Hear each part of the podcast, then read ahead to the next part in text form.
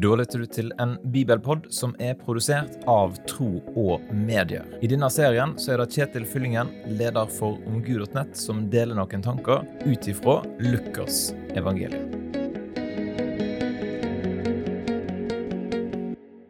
Hva hører du på, og hvordan hører du?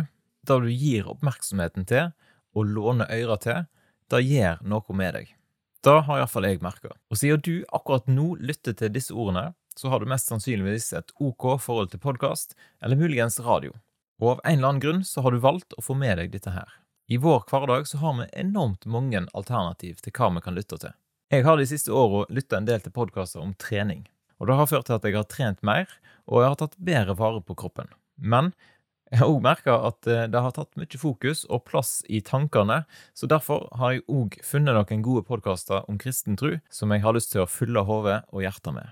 Et tips kan være å sjekke ut podkasten Knowing Faith. Der er det veldig masse bra, synes jeg. Så hvis du trenger en til podkast i din eh, podkastspiller, og du liker å høre på engelsk, så sjekk ut Knowing Faith. I Lukas 8 så ser vi flere ganger at Jesus er opptatt av det å høre. Ikke bare hva han lytter til, men hvordan.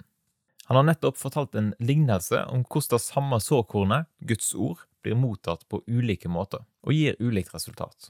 Og For å understreke så fortsetter han i vers 16-18 i Lukas kapittel 8.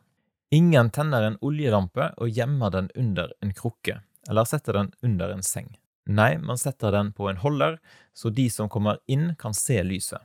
For det finnes intet skjult som ikke skal bli synlig, og intet hemmelig som ikke skal bli kjent og komme for dagen.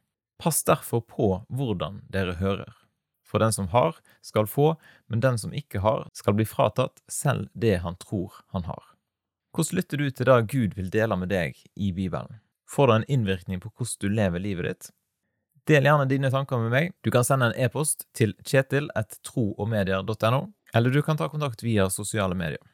Jeg har òg lyst til å utfordre deg til å sjekke ut eh, nettkurset som jeg tilbyr om kristen tro på kurs.omgud.nett.